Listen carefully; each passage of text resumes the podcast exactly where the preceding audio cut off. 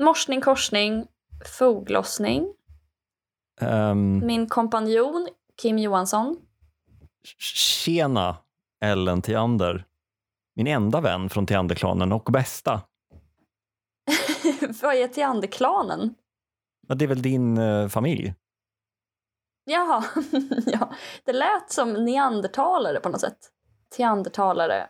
Det här är podden Tusen saker där vi varje vecka pratar om några av de tusen samtalsämnen som vi har skrivit i en lista i gemensamma anteckningar under tre års tid tillsammans med producenten Sally som ger oss ämnen. Nu kastar vi ankar. Nu rockar vi.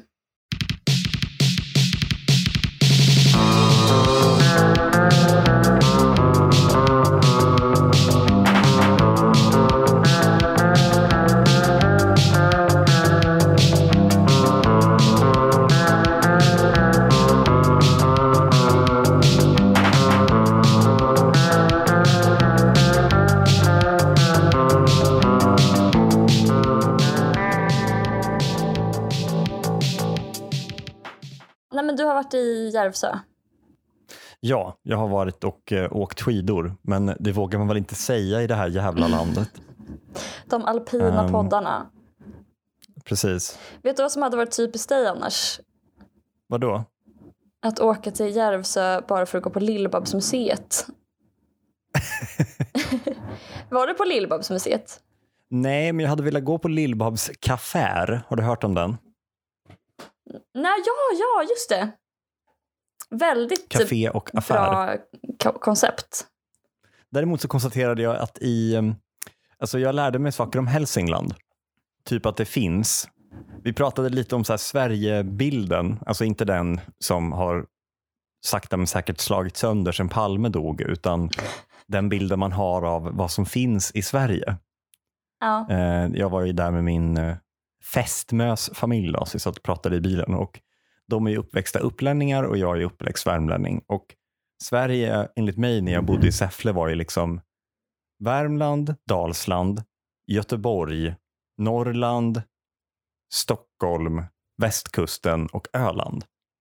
Mm, Det var det som fanns i Sverige. just det. Och sen i vuxen ålder har jag nu upptäckt saker som till exempel Medelpad, Mm. eller Hälsingland, Blekinge. Stor chock att upptäcka Blekinge i vuxen ålder. Det, det, se till att informera era barn om Blekinge så att de hinner ta in det. Men, men eh, jag var ju liksom, sen när jag flyttade till Uppsala och fick eh, höra talas om Hälsingland och Dalarna så var jag väldigt, väldigt avundsjuk för att de verkade ju liksom ha en grej.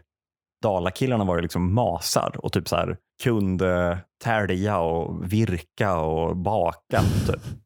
Och hälsingarna kunde göra upp eld med bara en kniv. Med bara en blick. Ja, men typ, de kunde bara titta på torrt trä. Ja. Men alltså som värmlänning, det enda jag jag är liksom bara från landet. ja, jag vet. Jag är inte så en västkustare som, åh, jag har eh, fiskat upp och eh, strypt den här fisken med bara händerna. Eller en norrlänning som kan stå still och vara tyst väldigt länge. Samma här. Alltså ännu mer tror jag Skaraborg är så var lantis utan förmågor. Det enda man kan göra som skaraborgare är att beställa en hälta hälta. Som alltså är en hälften mos, hälften pommesbricka. Mm. Men så kan man eh, också beställa det med fördel pommes eller fördel mos. Det vill säga inte hälften hälften. Men man beställer ändå hälta hälta fördel eh, mos. Eller hälta hälta fördel pommes. Då Mm. får man kanske 75% pommes. En 25-75 av mospommes låter ju jobbigare att säga.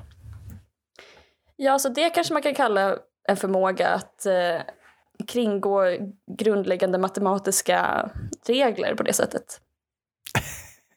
Är det en uppländsk eh, tolkning av det? Att man skulle då säga 25-75 mos pommes? Alltså att man verkligen man, man förstör det med vetenskap. ja. Så som att bry sig om hur procent Det funkar. här kommer Ellen med faktan till kiosken. Tror du är så jävla smart?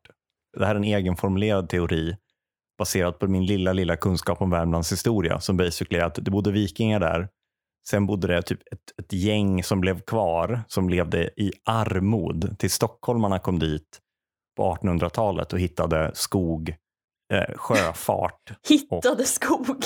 Ja, men så här, skog, sjöfart eh, och eh, metall. Mm. Och, liksom, och då kolonialiserade de Värmland och byggde liksom städer. Och därför har vi inte utvecklat någon sån kultur att gå runt i liksom tovade knähattar som man har i Dalarna. Eh, du är också och agerar superspridare. Absolut. Ständigt. Det enda jag har att säga om det är att eh, du, du kan få hjälpa mig utveckla det här. Det är att när jag åker skidor så är mitt, min målbild, det jag vill utstråla är mm. ju motionär. Mm. Alltså jag eh, har en anspråkslös åkstil eller vad man ska säga. Åker du längdskidor? Ja, både längd och utför. Men nu tänker jag framförallt på alpin, alltså utförsåkning. Mm. Ja, men jag upplever att det är, är lite på utdöende, den här motionärsstilen i utförsåkning.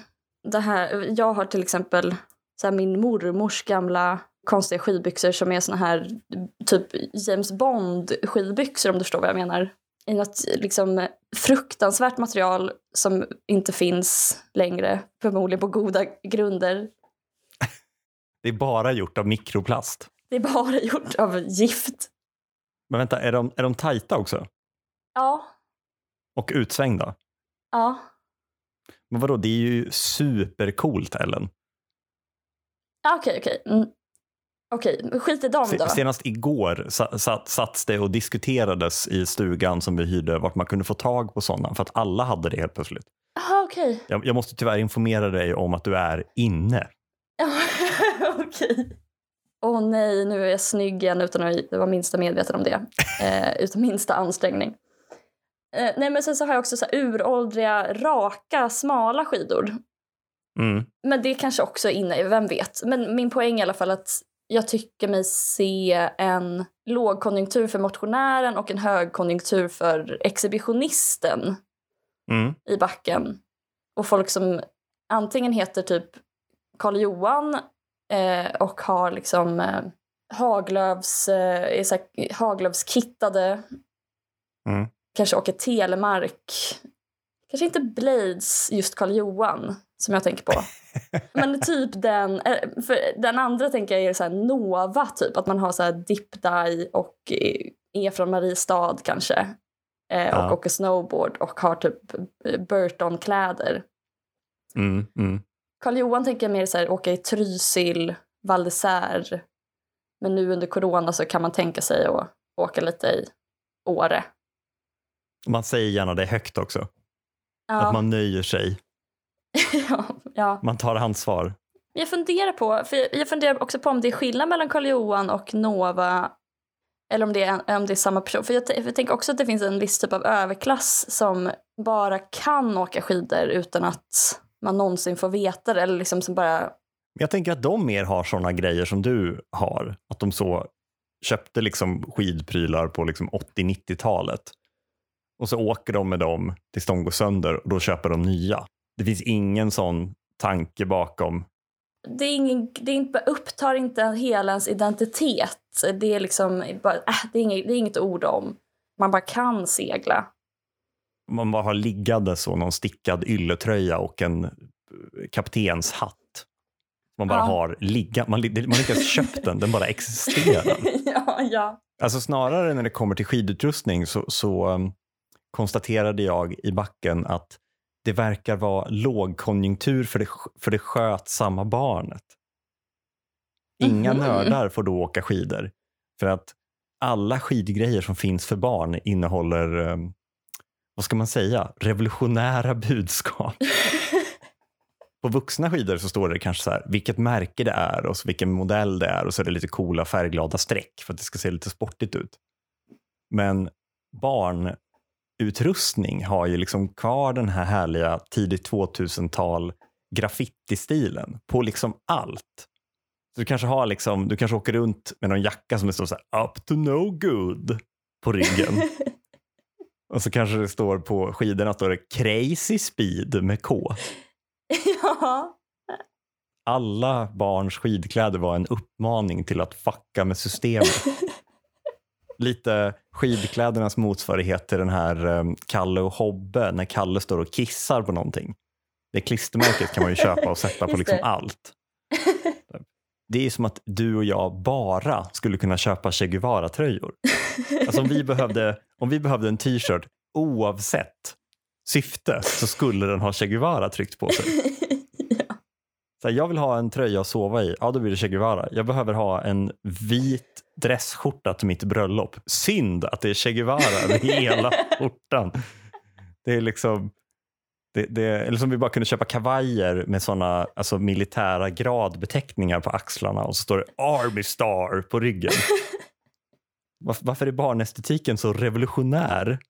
Varför, är liksom, varför frodas tidiga 2000-tals graffiti, du vet den som sprayas i neongrön på barns skidor? Ja, alltså det tråkiga svaret är väl att eh, det är precis tvärtom. Eller liksom att barn har ingen makt. Mm. Alltså ju, fler, ju mindre makt folket har, desto fler såna hm t-shirtar med eh, Who Run the World Girls på. Typ. Men det där tror jag, det tror jag det verkligen ligger någonting i. För det, det är väl lite som att överklassen besitter ju väldigt stor mängd makt som vi, ja, vi behöver väl inte konstatera. Jag tror inte vi behöver källhänvisa till det påståendet. Eh, men eh, de behöver ju då inte manifestera den på något sätt för att de vet att de innehar den. Medan människor som till Mm. exempel inte har haft makt men har fått det på bräckliga grunder och är Mm. rädda för att trilla ner igen, de behöver göra allt i sin makt. Alltså köpa så ett komplett Haglöfs-kit för att visa att hörni, jag är faktiskt medelklass, våga inte tro något annat. Typ. Eh, Och arbetarklassen, när de kommer över någonting som kan ge dem den här makten. Eh, Ja, säg till exempel då de här jackstölderna som sker, där liksom fattiga barn stjäl jackor av rika barn för att, att ha en dyr jacka är liksom en statusmarkör som kan ge dig makt. Ja. Um, om barn hade makt så skulle de bara åka runt i så rådebegär-tröjor. De behöver inte bevisa något. Men eftersom de Nej. inte har makt så måste de ha en skidjacka där det står Rugrat, watch your back, ja, men crazy liksom, ja. speed. Ja, Vad heter det här intressant. sinnessjuka barnmärket? Mini Rodini. Ja, Mini Rodin. Där har vi barn med makt.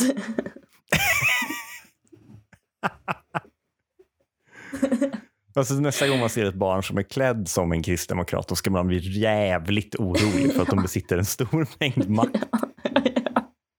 ja. Det, ja, det, finns, det, finns en bra, det finns ett bra sedelärande exempel här att gräva upp mellan Reinfeldts två söner.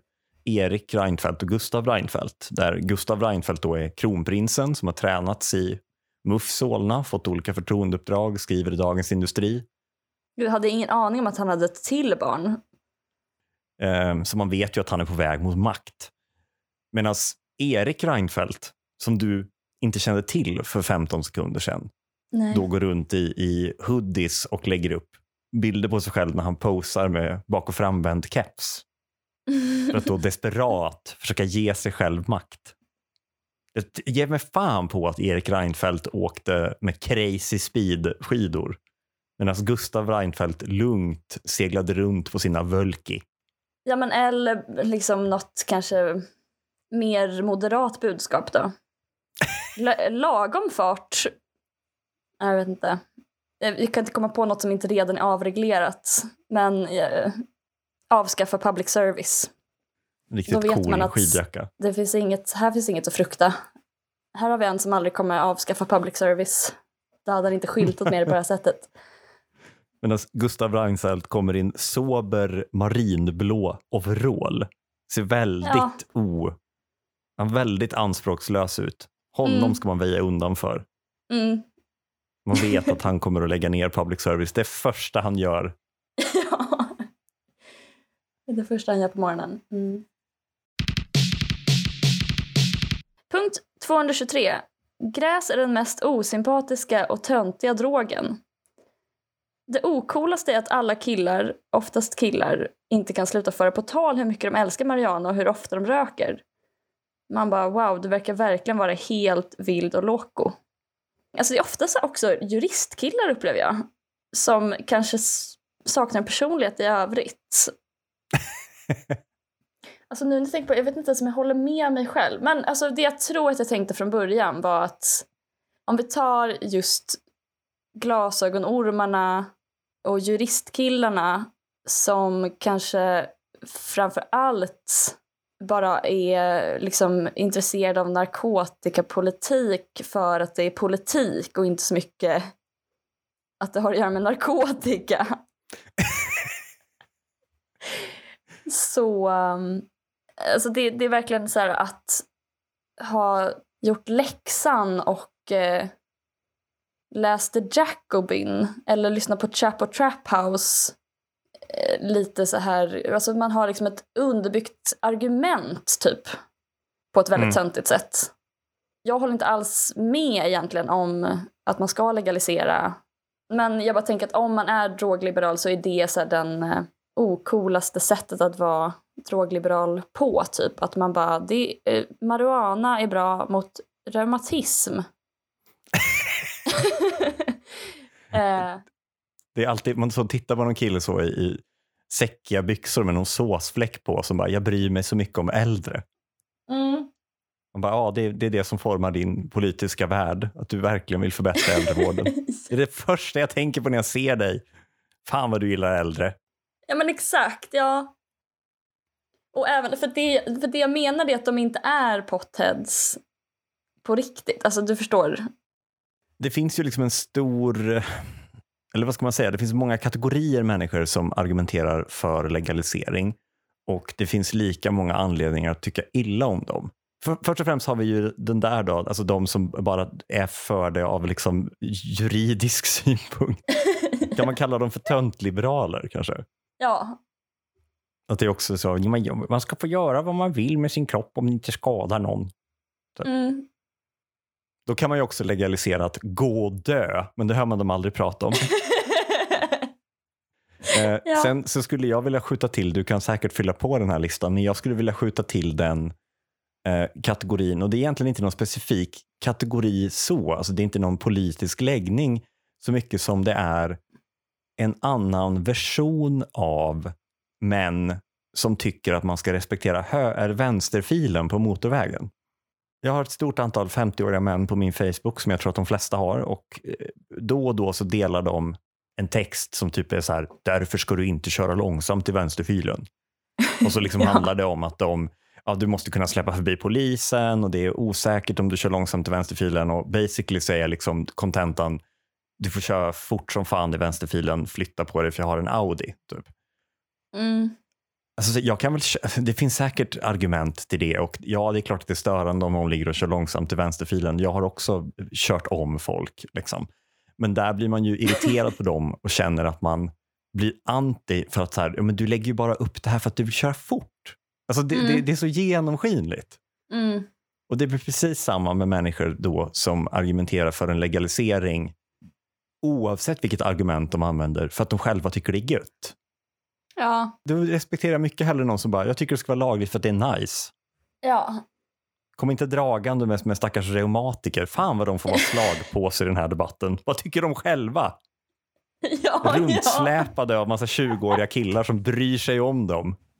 Sönderkramade ja. av de man minst vill ha som allierade. Uh, vill du fylla på listan med andra typer? Nej men sen så det ju, finns det ju bara um, ja, men så Simon G. Eh, slackers. Mm. Simon G tillhör också den där juristkille-kategorin. Alltså, han är så himla oavslappnad. Mm. Och därför måste han hela tiden föra på tal hur... Eller liksom bygga en persona runt hur avslappnad han är. Alltså, jag är inte alls neurotisk för att kolla hur mycket gräs jag kan röka utan att liksom ja. bli för paranoid. Jag visste avslappnad. Jag, jag, har, skrivit, jag har precis gett ut 15 album och skrivit så här, en roman på ett jätteavslappnat sätt om eh, hur mycket jag älskar MDMA. En annan grej, alltså jag ska se om jag kommer ihåg nu en artikel som jag har hör, typ hört talas om.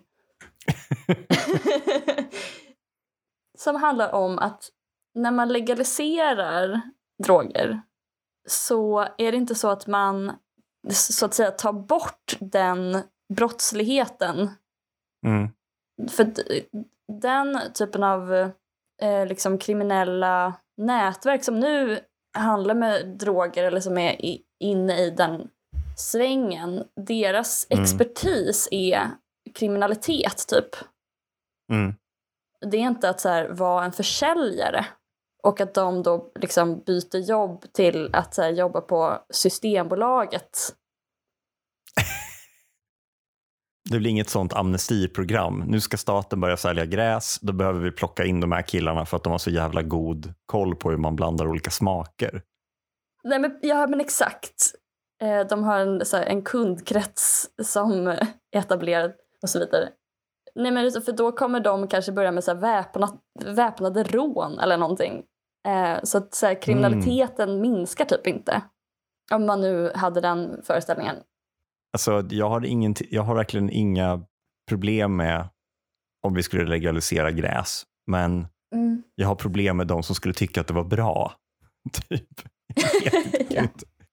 Det här tror jag kommer ur, eh, alltså när det kommer till liksom, Eh, ja, men regelbundet gräsrökande. Jag tror liksom inte att jag skulle kunna ägna mig åt det för jag tror att jag skulle tycka att det var för nice och då sluta vara en liksom neurotisk person som strävar efter att försöka fixa och dona med saker. Mm. Hela tiden är något sånt rökmoln som luktar äpple. Eller har man smak? Det kanske man inte har. Det kanske är vattenpipa bara. Det är anledningen för mig att bli en pothead. Jag gillar äpple så mycket. så det trillade lite som EU-domstolen ville förbjuda liksom smaksatt snus för att de bara, det, blir, det blir så mycket mer attainable. Ja. Om du inte liksom har plågat dig igenom x antal prillor, då kommer du liksom inte att börja snusa. Det är inte så att man älskar mint och då Ja, exakt. går och köper mintsnus. Ja. Exakt. Man bara, åh, jag är så himla sugen på lakrits. Nej men titta, snus med lakrits. ja. Vill du höra varför jag tror att vi ogillar folk som förespråkar narkotika eller um, i, Mm. då fallet, i det här fallet marijuana-legalisering ja. oavsett egentligen varifrån de kommer. Oavsett Mm. politisk argumentation eller liknande. Jag vill innan här också bara skjuta in att vi inte tar upp klassaspekten kring det här. Jag får lite dåligt samvete. Men då vet ni att vi vet att det finns en klassproblematik ja. med det ur världen. ehm, nej, jag tror så här. Politik är komplicerat. Om du vill göra uttaget eh, av föräldraförsäkringen mer jämställt och genom reformer, då kommer det att bli svårare att vara hemmafru om det är det du vill vara. Förstår du vad jag menar? Mm. Och människor som då läser på kring de här frågorna och vågar ta ställning och vågar säga kanske, ja, nej men tråkigt för hemmafruarna, men jag tror att det här är bäst för oss alla. De är ju, alltså de politiskt medvetna, de man ser upp lite till. Men att tycka att man ska legalisera cannabis, det är lite som att tycka att vi ska byta ut alla rödljus mot blått. Det påverkar inget för någon, egentligen ja, det är väldigt anti-utopiskt. Det är liksom inte så visionärt. Det är inte en a bold statement. Det är inte att införa eh, allmän tjänstepension eller eh, ha chockhöjda kapitalskatter, utan det är bara en mellanmjölksfråga. Och då dra lans för något som liksom lika gärna skulle kunna vara jag vill att alla hus ska byggas med en grön tegelsten. Också eftersom många som vill legalisera det också är liksom brukare så är, så är jag liksom frågan lite mer så, det är jävligt gött med bulle. Ska inte alla få äta bulle? Ja, man hade precis blandat ihop sin egen, bara något man tycker är gott själv med så politik. Det är mer radikalt att vara för sovmorgon. Ja, gud ja. ja men så om man ska välja en, det är ett tips då till alla slackers, om man ska välja en fråga att engagera sig i så välj sovmorgon i så fall hellre. För då ställer du dig bakom ett stort politiskt projekt. Mm. Eller ta klimatfrågan, mycket bättre. Jag ska rekommendera en politisk fråga att engagera sig i, då skulle jag nog välja klimatet. Men därefter, Men sovmorgon. 294. Vad hände med vargfrågan? Kan det vara så att alla vargar har utrotats utan att någon har sagt något? det är verkligen högst sannolikt. Jag måste verkligen kolla. Hur många, Alltså- Ska du kolla vargbeståndet? Ja, du ser. Det, det, vad har hänt med vargfrågan? Hur kan vi inte veta hur många vargar det finns i Sverige? Det är ju... Kan det vara första gången i historien vi inte vet exakt hur många vargar som finns i Sverige? Det finns tydligen bara 365 vargar i Sverige. Men, men eh, de är då uppdelade i 71 familjegrupper och eh, här kommer jag med ett, ett, en, ett satirskämt. Kanske om vi döpte om dem till klaner, då skulle folk bry sig om dem. ah. Just det. Det visar sig att 71 klaner kontrollerar vargbeståndet. Men det är väl också som med vargfrågan att det, det känns som en sån fråga. Alltså, jag, har ärligt talat ingen åsikt för att jag, eh, det berör inte mig. Nej. Jag har aldrig sett varg och aldrig bott i ett område som påverkats av varg. Så att därför så tar jag det vettiga beslutet att inte tycka någonting. Men, men samtidigt så blir det som att deras främsta företrädare för, en, för båda sidor gör, precis som i liksom gräsfrågan, gör ju saken mycket svårare för båda sidor. För att å ena sidan så har du liksom för team Rädda vargen så står det liksom typ en stockholmare i full, jag tänkte säga mini Rodini-outfit, men vi säger det, full mini Rodini-outfit under svampen med Sturegallerian i bakgrunden och bara vadå varg, de är så gulliga. Typ. Och på andra sidan så står det liksom en kille med tolv gevär på axeln och lite, lite blod typ på jackan och bara vi, vi måste skydda djuren. Typ. Mm. Man bara bullshit båda två. Mm. Ja, jag tycker det är svårt för mig personligen, alltså, för jag brinner otroligt mycket för vargarnas otroligt, otroliga utseende. Mm. Och sen så kan jag ändå känna att vi har en lång, stolt svensk tradition av att vara rädd för varg. Som jag också gärna bidrar till att eh, liksom vårda. Den här eh, gråben... Varg är ju ett Noa-namn. Vet du, vet du vad ett Noa-namn är? Nej, berätta. Det är alltså till exempel Voldemort Mm. kallas för eh, han som inte får nämnas vid namn eller något sånt där. Mm. Eh, Och då är det ett Noa-namn. Alltså man, vill, eh, man får inte säga det faktiska namnet. Så varg är ett Noa-namn för ulv. Ja, det är som hin håle för djävulen typ. Exakt. För då är man rädd att man ska framkalla eller liksom det, det för otur med sig att, att kalla något vid dess rätta namn. Hon som AFA vill ska avgå. Om Ingrid Svenonius. Ja, Irene. Du, du har Ingrid för Irene. det är ditt det är min Noa-namn. Ingrid, det är mitt Noa-namn på Irene Svenonius. Passa er barn, annars kommer Ingrid. En, en konsult dyker upp utanför ens port. Plötsligt så är ens lägenhet på Hemnet utan att man Ja, är... precis. Du är tyvärr såld. Punkt 363. När Kim, 18 år, fick fondportföljsrådgivning. Det här har jag skrivit för att du berättade det här för mig och det är så oerhört gulligt för det första och Kim culture för det andra. Alltså gud, nu får man nästan så spänn fast er barn för nu kommer det en historia från förr. Mm. Men att jag då fick ha ett fysiskt möte med min bankkvinna som skulle ge mig placeringsråd typ, Ja. när jag var 18. Men vad då? det är väl... Nu sitter jag här i min bostadsrätt och jäser. Det var väl inte så dumt? Nej, poängen är inte alls att det var dumt. det var... Haha. Fan vad puckat att sprida ut riskerna i ditt sparande. Eh, Det, det som var roligt, eh, jag vet inte vilken exakt av gångerna jag har fått fondrådgivning som du tänker på, för jag utnyttjade det här årliga erbjudandet tills de avskaffade att man ja, egentligen banker och ersatte dem med appar.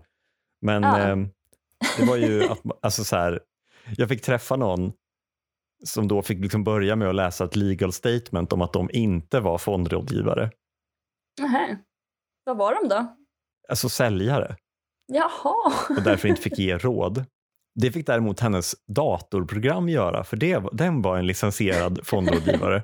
Så då knappade hon Jaha. in typ så här hur gammal jag var och vad jag sparade till och så fick jag förslag på fonder. Och jag bara, Mhm. jaha okej, men kan du berätta lite om de här? Och hon bara, det får jag inte göra.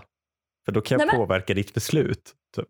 Men Ehm, gud, vilken ansvarsfull säljare. Så hon bara satt där och vände sin datorskärm mot mig och bara, du kan ju titta på de här. Och jag bara, ja okej. Gud. vad är det här? Hon bara, det får jag inte säga. Det var liksom brytpunkten mellan gamla och nya Sverige. Alltså exakt den sekunden. Det är otroligt. Tänk om man hade haft den typen av liksom off-knapp på eh, när man ringer kundtjänst på sin mobiloperatör. Du tänker att det vore alltså, en, en dröm där någon inte försöker sälja något till en utan bara ge en information. Ja, Tvinga alla bolag som säljer vissa tjänster att ha en, en yrkeskår som liksom bara får bestå av olika massa Ann-Maries från Försäkringskassan. Mm. Alltså, men jag tror att det är därför folk gillar biblioteket så mycket också till exempel. Mm. Det är inte en, en free trial period. Det finns inga baktankar. Bara en Nej. god bok.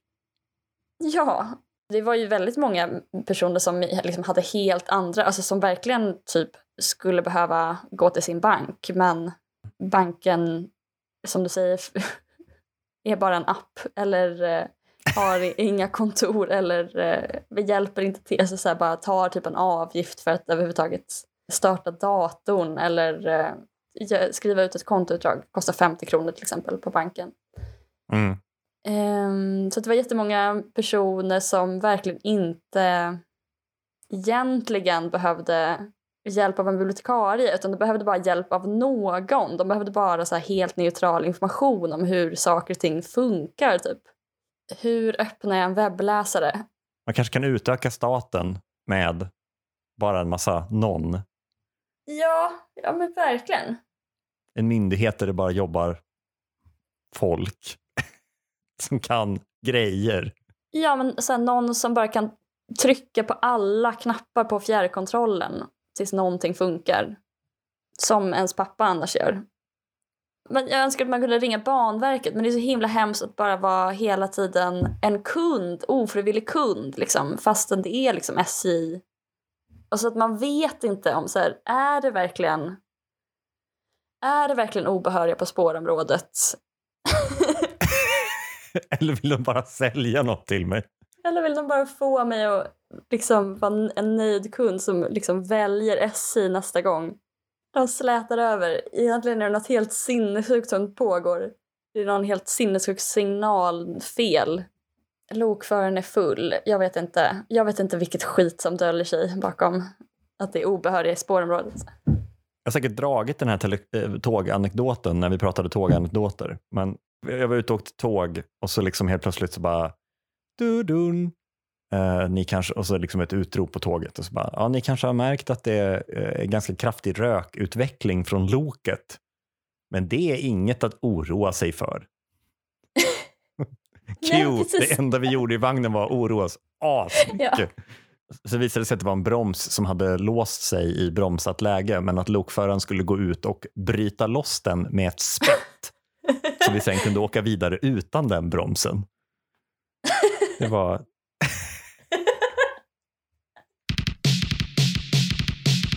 Ringde, det ringer ofta säljare som kom hem till oss och vill kränga på snabbare bredband för vi har det som liksom ingår i vår eh, bostadsrätt bara. Ehm, Mm. och Då brukar jag alltid säga att så här, men kan du erbjuda mig ett bättre pris än noll kronor så är jag intresserad. Och då, då Mm. får man ju alltid nej det kan jag inte och så lägger de på. Men till slut så fick jag en kille som typ, han bara, ja men vad fan, okej, ja men så här, om du säger upp ditt bredband och sen så ringer du till mig och så säger du det här och det här, så kan du teckna det här avtalet och sen säga upp det direkt. Då får du 300 megabit eh, för noll kronor, för då blir du som en multikund. Typ. Och fine, han kan ha sagt det för att blåsa mig, men det lät verkligen sincere. Att han gav mig liksom ett hack för att få snabbare Mm. internet. Men då kände jag att så här, nej, men det, nej, jag, vill, vet du vad? jag vill inte ha snabbare internet då. Jag vill inte ha en sweet deal. Om priset jag betalar är att ha fått ett råd av en säljare, då har jag hellre en megabits internet.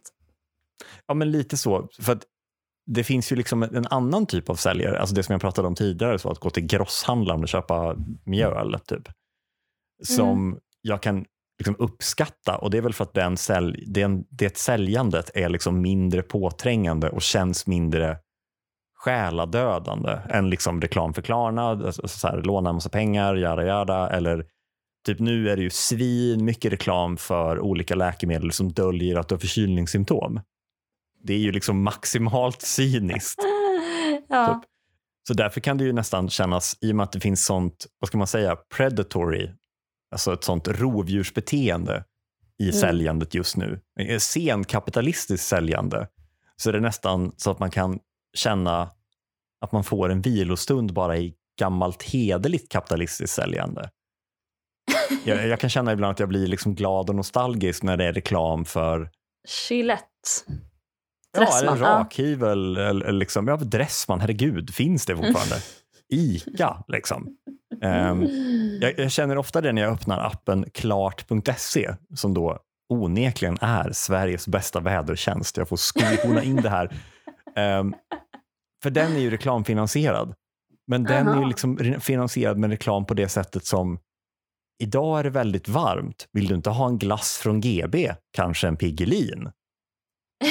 ja, ja, Och det känns, alltså, till och med den reklamen känns som en avkoppling från all annan reklam. Som är så, pantsätt din mormor för att liksom få snabba krediter. Att då någon kommer och bara, men vill du inte bara köpa en glass då? ja, Det känns avkopplande. jag hade hoppats att jag skulle liksom vara, nu när jag är en alpin tjej och Mm. har varit ute liksom i solen, att jag skulle liksom eh, bli på något sätt inspirerad, hitta skämten utomhus på något sätt. Men jag tycker det, det är överskattat.